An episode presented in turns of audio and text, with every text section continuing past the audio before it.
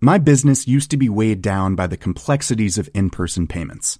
Then, Tap to Pay on iPhone and Stripe came along and changed everything. With Tap to Pay on iPhone and Stripe, I streamlined my payment process effortlessly. Now I can accept in person, contactless payments right from my iPhone. No extra hardware required. What's truly remarkable is how I can cater to all of my customers' payment preferences. Whether they're using cards, Apple Pay, or other digital wallets, Tap to Pay on iPhone and Stripe ensure a smooth checkout experience every time. And it's not just me. Stripe helps businesses of all sizes, from local markets to global retailers, scale quickly and stay agile. To learn how Tap to Pay on iPhone and Stripe can help grow your revenue and reach, visit stripe.com slash tap iPhone. Hans Petter og Co. presenteres av Check-in, sannsynligvis Norges beste påmelding og billettsystem som forenkler hverdagen for deg som arrangerer seminarer, konferanser og andre eventer. Les mer om Check-in på checkin.no slash Hans Petter.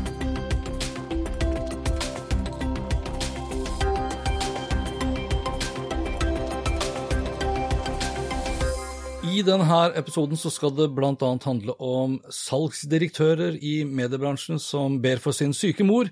I 2019 så lasta vi ned over 200 milliarder mobilapper. Over 200 sportsbutikker vil forsvinne i løpet av de neste fem årene. Google kommer med sin egen airdrop-løsning til Android. Kunstig intelligens advarte mot koronaviruset allerede i 2019 og netthandelen til utlandet har femdoblet seg på de ti siste årene. Velkommen til Hans Petter og co. Jeg heter Hans Petter, og denne episoden ble spilt inn onsdag 29. januar. Lenker til alt jeg snakket om og øvrige innslag finner du selvsagt på hanspetter.info. Klokka er sju. Merete Vikre gir deg P4-nyhetene nå. La oss ikke glemme at det desidert største mediet på lyd er og blir radio, også når det dreier seg om å treffe fokuserte lyttere, skrev salgsdirektør i P4-gruppen Ove Søgaard i Medier24 23. januar. Anledningen, eller foranledningen, var et par dårlige, hvis du vil, artikler hva gjelder radiolyttingutviklingen her til lands, og da tyr gjerne radiobransjen til unnsetning for å sette skapet på plass. Og Ove gjør det samme som så mange andre før han har gjort når det kommer til medier i motvind. Han ber for sin syke mor. Flere papiraviser gikk f.eks. sammen i 2014 og hevdet at papiravisannonsen var større enn TV, radio, ukepresse, utendørs, Facebook og Google, og tre år senere hevdet til og med Skipsteds annonsedirektør at redusert tilgang til papiraviser ville slå negativt ut på Oslo Børs. TV-bransjen på sin side har lenge hevdet at lineær-TV står fjellstøtt, og NRK-sjefen var i 2017 skråsikker på at DAB ville føre til et mye bedre radiotilbud, og at de som hevdet noe annet, snakket mot bedre vitende. DAB-radioen har nok ført til et bredere tilbud, men det er ikke mye som tyder på at det har ført til mer radiolytting. Og uansett hvordan man vrir og vender på det, så hører nordmenn mindre på radio i dag enn det de gjorde i fjor, året før det og for ti år siden. Vi leser færre papiraviser i dag enn vi gjorde for ti år, ti år siden, og vi ser mye mindre lineær-TV enn vi gjorde for ti år siden. Hos de aller yngste, de som nesten aldri hører på radio, de som nesten aldri leser en papiravis, så har den lineære TV-tittingen falt med hele 70% i løpet av de siste ti årene. De som derimot hører mye på radio, ser mye på lineær-TV og leser nyheter på papir, det er de eldre, og de blir stadig eldre og flere. Sist jeg sjekket var snittalderen på den som så Dagsrevyen lineært hele 67 år. Felles for en stadig større andel av Norges befolkning i dag er at vi ønsker å bestemme selv hva, når og hvordan vi vil konsumere innhold, rett og slett fordi teknologien har gitt oss den muligheten. Derfor sliter kringkastingen i motvind, mens tjenester som tilbyr oss å bestemme selv, er i medvind. Mens fortiden tilhørte de få som bestemte for oss, tilhører fremtiden de mange som bestemmer selv. Salgsdirektører i mediehusene er som stillingen deres tilsier, opptatt av salg. Derfor opplyser også Ove i P4 at hvis man som annonsør ønsker å treffe lytterne med et kommersielt budskap, er det fortsatt ingen lydmedier som er i nærheten av å levere den brede dekningen som radio gjør. Og det har jeg ingen grunn til å ikke tro Ove på heller. Det er ingen tvil om at det fortsatt er mange i Norge som har en radio, og det er heller ingen tvil om at det er mange som skrur på radioen. Men hvor mange det er som faktisk lytter, og ikke minst får med seg reklamen, ja, det er en helt annen sak. Og ikke minst om de som faktisk gjør det, er en del av målgruppen som du som annonsør forsøker å nå. Reklamebransjen har i snart 100 år snakket om at halvparten av all reklame er bortkasta, problemet er bare at ikke de vet hvilken hvilken halvpart det er snakk om. Hvis du er på jakt etter å nå unge, urbane, moderne og høyt utdanna nordmenn, ja, så er det en økende sannsynlighet for at du ikke du bare kaster bort halvparten av reklamene hvis du satser på kringkasta radio, lineær TV eller papiraviser. Da kaster du kanskje bort alt. Og selv om du kanskje når publikummet ditt gjennom radioen, så er det ikke sikkert at du når frem. Radio er for mange den virtuelle gjesten i huset. Skybert, hvis du husker Albert og Aaberg for eksempel. Lyttingen er stort sett passiv. Den står på i bakgrunnen, mens podkastlytteren derimot er aktivt oppsøkende og i 90% av tilfellet alene når han eller hun lytter. Derfor blir det helt håpløst av salgsdirektøren i P4 å sammenligne podkasten til Einar og Jan Thomas med 15 minutters radiolytting på P4. Hvilke andre medier i dag kan vise til over 130 000 ukentlige lyttere som aktivt oppsøker innhold hvor oppmerksomheten varer i nesten 60 minutter? Hva er den kommersielle verdien av et lojalt, dedikert og kjøpekraftig publikum sammenlignet med en radiosending som suser i bakgrunnen? I løpet av de siste tiårene har medium etter medium blitt tvunget til å tilpasse seg den nye on demand-hverdagen. Papiravisene er en skygge av seg selv, ukeblader og magasiner faller i både frekvens og utvalg, og radiolyttingen nok en gang har aldri vært målt lavere. Samtidig har mulighetene til annonsørene aldri vært bedre og billigere. Norske annonsører i dag bør tenke seg nøye gjennom hva de bruker sine sårt tiltenkte reklamekroner på. Rekkevidde og frekvens er et fristende utgangspunkt, for du vet jo aldri hvor mange fugler på taket du treffer. Det koster gjerne mye mer, og kan i verste fall være 100 bortkasta. Alternativt så kan du gå mer målretta til verks mot den ene fuglen i hånden, og tilby akkurat den fuglen den relevante reklamen fuglen vil ha, når fuglen vil ha det. Og det er derfor salgsdirektører i mediebransjen ber for sin syke mor, for de vet innerst inne hvor det går, og hva det betyr for egen økonomi og forretningsmodell. Det er å tro på julenissen at de yngre vil legge fra seg on demand-vanene sine og vende oppmerksomheten sin mot kringkasta radio, lineær TV og papiraviser så fort de blir voksne. De tror tross alt mye mer på bloggere, vloggere, instagrammere og podkastere enn de tror på julenissen allerede.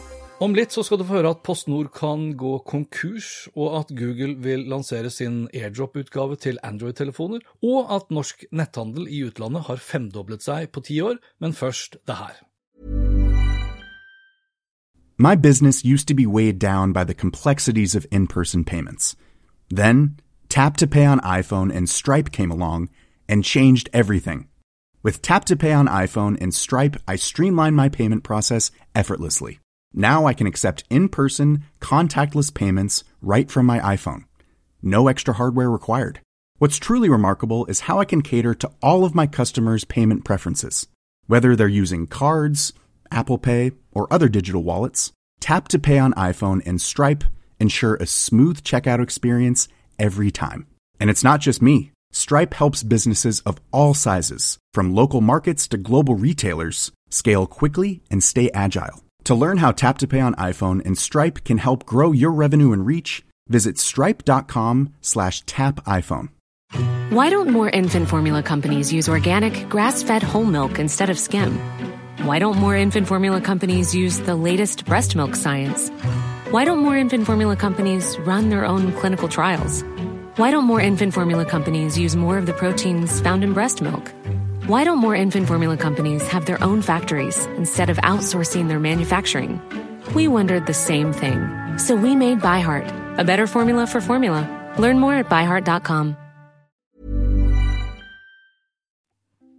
Analyseselskapet App Annie, som holder oversikt og statistikk over våre app-vaner, publiserte nylig rapporten State of Mobile for 2020, og her er det ganske mange interessante funn. Og før du tenker at nå blir det veldig mange tall å holde styr på mens jeg lytter, så kan jeg berolige deg med at jeg ikke skal ta den helt ut, hvis du vil. Rapporten som sådan vil du finne på hanspetter.info i begynnelsen av februar, og da legger jeg den ut sammen med flere av de andre viktigste rapportene jeg har kommet over i løpet av januar 2020. Men et par ting syns jeg er verdt å nevne. For i løpet av 2019 så lastet vi ned over 204 milliarder apper, og det er en 45% vekst i løpet av de siste tre årene. Veksten er for så vidt metta i Vesten, og størst vekst finner vi i India, Brasil og Indonesia. Og India er på mange måter den store vekstmotoren, for i India er under halvparten av befolkningen i dag på over en milliard på nett. Det ble omsatt eh, for over 120 milliarder dollar eh, på apper, fordelt 80% på IOS og 20% på Android. Så hvis det fortsatt er noen som lurer på hvorfor app-utviklere fortsatt satser på IOS først, så har du svaret der. Kina er fortsatt det største markedet, og det til tross for handelskrig og en rekke utestengte tjenester fra Vesten. Det er estimert at mobilindustrien vil bidra med hele 4800 milliarder dollar til globalt bruttonasjonalprodukt. Og den globale veksten er på 110% mellom 2016 og 2019, og hele 190% hvis vi ser på Kina alene. Alle de unge i dag har en mobiltelefon. Generasjon Z står for over 30% av befolkningen i verden i dag, og vinner du ikke den generasjonen på mobil, ja, så mister du dem. Og mobilt annonseringsforbruk det kommer til å ende på om lag 240 milliarder dollar i 2020, og det er opp fra 190 milliarder dollar i 2019. Hele rapporten som sagt vil du få tilgang til som oppdatert medlem i begynnelsen av februar. Da legger jeg ut de viktigste rapportene for januar, og det er noe jeg vil gjøre hver måned i tiden fremover, eksklusivt for alle som da er medlem av Oppdatert. Så gå inn på hanspetter.info slash oppdatert. Da får du en oversikt over alle artikler som er tilgjengelig kun for oppdaterte medlemmer. Vi hører til stadighet om butikk og retail-død, og vi har også blitt kjent med at nær halvparten av alle nettbutikker går med røde tall. Og i løpet av uken som har gått, så har det også vært skrevet mye om at Post Nord kan gå konkurs. Og Post Nord er et resultat av at svenske Posten AB gikk sammen med Post Danmark AS i 2009, og her til lands så er Post Nord resultatet av oppkjøpet av Tollploss. I mange år så har den danske brevmengden falt drastisk. Det har den også gjort i Norge, men mye mer i Danmark. Og nå er også den svenske brevvirksomheten på vei i samme retning. Og nå viser en hemmelig rapport som konsulentselskapet McKinsey Company har gjort på oppdrag for den svenske og danske stat, at PostNord kan gå konkurs. Og det er det Dagens Nyheter i Sverige som har eh, meldt, etter at de fikk tilgang til rapporten. Ved årtusenskiftet så sendte svenskene rundt tre milliarder brev årlig.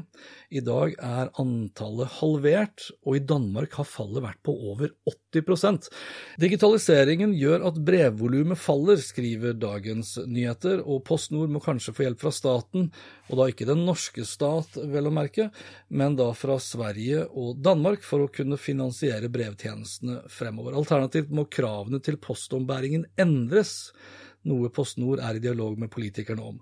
Og selv om Post Nord også opererer i Norge, så skal ikke saken berøre den norske virksomheten her til lands, ifølge Dagens Næringsliv. Og mens vi er inne på dette med krise, nå meldes det om at et sted mellom 170 til 230 sportsbutikker vil forsvinne frem mot 2025, altså i løpet av de neste fem årene, ifølge varehandelsekspert Reidar Muller. Nisjebutikken Revir har allerede avblåst vinteren og gjennomfører nå et krisesalg. og og en av de dårligste investeringene jeg så langt har gjort i år sjøl, ja, det var å kjøpe sesongkort til hele familien på Oslo Vinterpark. Det har eh, mildt sagt kosta ganske mye mer enn det har smakt. Tidenes varmeste januar. Ja, det har vært mildvær i januar før også, eh, men det har i hvert fall satt da en rekke sportsbutikker i en ganske kraftig skvis. Og Reidar Müller, som er partner i Varde Hartmark og styreleder i flere norske kjeder, tror vi bare har sett begynnelsen på problemene innen sportsbransjen og varehandelen. Varehandelseksperten tror de tradisjonelle sportsbutikkenes omsetning vil falle med 2,5 milliarder kroner frem mot 2025, og ved årsskiftet så var det registrert 1135 sportsbutikker. Mulig tror dette tallet må kraftig ned etter hvert som netthandelen og outlet-butikkene øker sin omsetning. Jeg har tidligere vært innom hvor vanskelig det er å bryte med Apple sitt økosystem når du først har nærmest standardisert på produktene til Tim Cook. Om det er FaceTime, iMessage, Airplay og AirDrop, så er det bare noen av eksempler på funksjoner som kun funker mellom Apple sine produkter.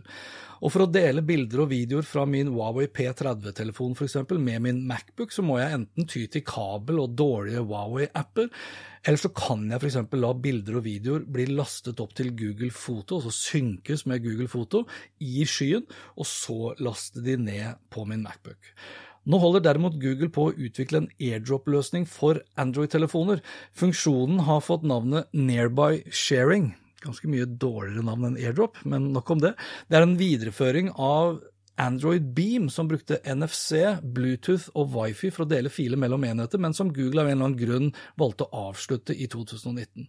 Og På samme måte som AirDrop lar deg dele alt av filer med andre Apple-brukere i nærheten, så vil Nearby Sharing la alle Android-brukere enkelt dele filer mellom enheter. Funksjonen er ikke offisielt lansert ennå, men XDA Developers har lagt ut en video som viser hvordan tjenesten vil fungere, og da basert på to Google Pixel-modeller. Men i motsetning til AirDrop, som lar deg dele filer mellom forholdsvis store avstander, så vil Nearby Sharing kreve at enheten er innenfor kun 30 cm avstand. Og det fremkommer heller ikke noe sted når Nearby Sharing vil bli offisielt lansert. XDA Developers Demo sier heller ingenting om det vil bli mulig å bruke nearby-sharing mellom en Android-telefon og en Chromebook-laptop, ei heller om Google har tenkt å lansere en egen utgave for Microsoft Windows eller Apple Macs. Legger ut lenke til videoen på hanspetter.info. Jeg runder som vanlig av episoden med noen kortere overskrifter, og jeg begynner med en trist nyhet, for eh, Clayton Christensen er død. Eh, forfatteren bak den legendariske boken The Innovators Dilemma og Disruptions-begrepets far. Han døde 23. januar, og det er kun 67 år gammel. Clayton var en amerikansk professor i økonomi og ledelse ved Harvard Business School, og er kjent for sine studier i innovasjon i kommersielle virksomheter. Og i hans første bok, The Innovators Dilemma, artikulerte han sin teori vedrørende disruptive technology. Clayton Christensen kommer definitivt til å bli savnet.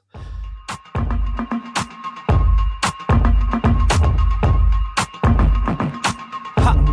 Tja, tja, tjena, tjena på dig. Mitt bena menar är du med i matchen eller är du lite stenad redan? Ja, ja, visst, visst, jag är en artist. Sist som jag kollar hade jag det bra. Koll på min business I E24 så kunne vi lese at en svensk artist kjøpte seg falske avspillinger på Spotify, og det gjorde han fordi han ønsket å vise hvor enkelt det er å jukse med strømmetallene. 16.1 så skrev jeg om falske lyttere i anledning av bråket rundt Podtoppen, og vi har jo sett det før med alt fra falske sidevisninger, bandevisninger, falske følgere og nå også da falske lyttertall. Og det er jo nettopp derfor podtoppen er så viktig, fordi de tallene som vises i den listen, ja, de er vasket for bl.a. bot-lyttere og lytting som ikke har vart mer enn 60 sekunder. Den svenske rapperen, også får han ha meg unnskyld hvis jeg sier det feil, Mange Schmidt, sier selv at grunnen til den plutselige økningen i lyttertallene på Spotify var en bestilling han hadde gjort. På en nettside så betalte Schmidt 470 euro for 100 000 avspillinger i løpet av 12-14 dager, og det er det artisten selv som forteller til den svenske avisen Dagens Nyheter. Og til den samme avisen sier han at han ville teste systemet og se om Spotify ville fange opp juks. Han kontaktet selv avisen for å legge frem dokumentasjonen på hvor enkelt det skal ha vært å kjøpe falske avspillinger på strømmetjenesten. Den nederlandske navigasjons- og kartteknologiprodusenten TomTom mange av oss har vel hatt kanskje TomTom sin GPS i bilen fra gammelt av, før mobiltelefonen tok over. De har nå inngått en avtale med Huawei om å levere produkter til den kinesiske telegigantens egen mobil-OS, altså Harmony OS, og det er det Reuters som melder. Detaljer om TomTom-avtalen kom frem rett etter at Huawei holdt sin første app-utviklerkonferanse i Storbritannia for kort tid siden, og det som et ledd i arbeidet med å bygge et robust økosystem som kan utfordre den dominerende posisjonen som Google og Apple har. TomTom planlegger å investere hele 20 millioner pund for å motivere utviklere fra Storbritannia og Irland til å lage tjenester basert på TomTom og Harmony OS. Den 9. januar advarte Verdens helseorganisasjon om et influensalignende utbrudd i Kina. Og noen dager før så var også amerikanske hel helsemyndigheter ute med en lignende advarsel. Men først ute var en kanadisk helse- og monitoreringsplattform som heter Blue Dot og de advarte om koronaviruset før de fikk navnet koronaviruset, og det gjorde de allerede 31.12.2019.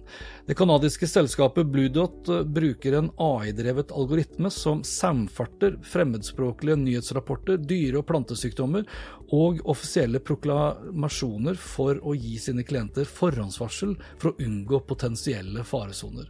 Algoritmen inkluderer ikke hva som blir sagt og hva vi poster i sosiale medier, men tjenesten har tilgang til globale billettdata for flyselskaper som kan bidra med å forutsi hvor og når smittede innbyggere flytter seg videre. Og Bluedot spådde riktig at viruset ville flytte seg fra Wuhan til Bangkok, Seoul, Tapei og Tokyo i dagene etter at det ble først oppdaget, og det er det Wire som skriver. Nå er det slutt på den økonomiske veksten, skal vi tro PwC, som har intervjuet eh, verdens ledere for 23. gang i det PwC kaller sin topplederundersøkelse. Og det er også da slutt på den økonomiske veksten. Vi venter på smellen, uttalte Kristin Skogen Lund, toppsjefen i Skipsted. 1581 ledere ble intervjuet i 83 land i september-oktober 2019, og over 50% av lederne frykter en økonomisk nedgang og at bruttonasjonalprodukt vil synke. For kun to år siden var det bare 5% av lederne som trodde det samme. Pessimismen har ikke vært større siden finanskrisen i 2009. Apple la frem sitt siste kvartalsresultat forleden dag, og det var ikke hvilket som helst eh, tall de la frem. Apples omsetning endte på nesten 92 milliarder dollar for deres siste fiskalkvartal. Det var langt høyere enn analytikernes forventninger, som var da på snaue 89 milliarder dollar altså en omsetning hver dag i snitt på 1 milliarder dollar. Det, det, står det respekt av. Selskapet jobber for øvrig på spreng for å snu den fortsatt negative trenden når det kommer til salget av selskapets flaggskip, iPhone. Apple har bedt leverandørene sine nå om å lage opp mot 80 millioner iPhoner i løpet av første halvår, hvorav de fleste er av den nyeste iPhone 11, men også lavprismodellen som skal lanseres i mars, skal også produseres i store tall. Og det er jo da et eh, tiltak for å hjelpe Apple med å vinne tilbake tapte markedsandeler.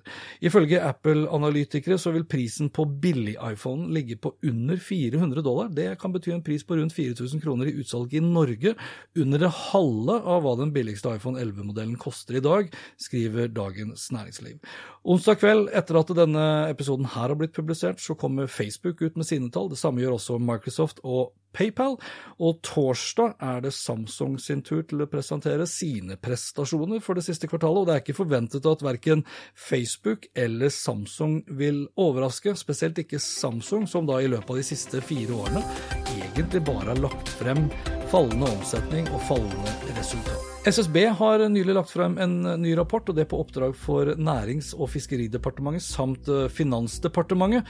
Og i den rapporten så kommer det frem at netthandelen til utenlandske nettbutikker har femdoblet seg i løpet av de siste ti, årene. Av beløpet på 60 milliarder kroner fordelte 23 milliarder kroner seg på varer og 37 milliarder kroner seg på tjenester. Den nye rapporten viser utviklingen i nordmenns eh, netthandel fra utlandet, basert på kortdata fra 2010 til 2018, og statistikken viser hvilke varer og tjenester vi handler, og fra hvilke land. Statistikken kartlegger også utlendingers bruk av kort på norske nettsider. Nesten en tredjedel av utenlandshandelen vår går til Sverige, etterfulgt av Storbritannia med 17% og 10% til Irland, når man da ser på netthandelen innenfor EU-markedet. Etterspørselen etter digitale varer og tjenester har økt betydelig, og det er spesielt etter 2014. I alt så ble det registrert 44 millioner kjøp av digitale varer og tjenester som iTunes, Spotify, Netflix og lignende i 2018, hvor omsetningen totalt endte på nesten 6 milliarder kroner.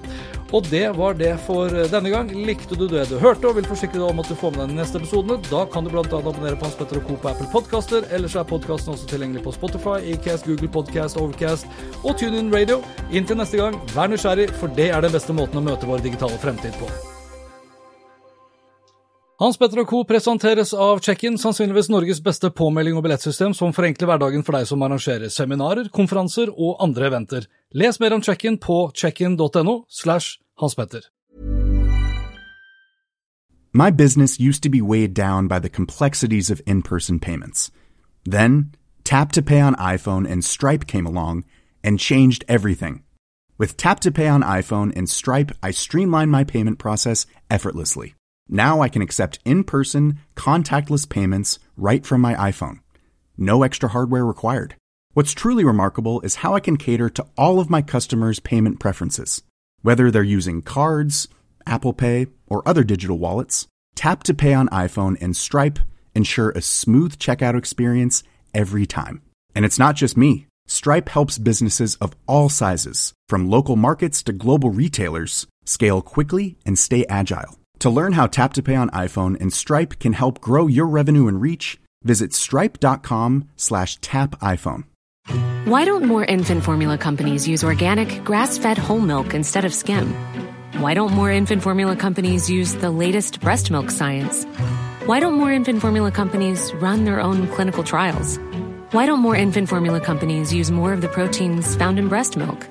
Why don't more infant formula companies have their own factories instead of outsourcing their manufacturing? We wondered the same thing. So we made ByHeart, a better formula for formula. Learn more at byheart.com.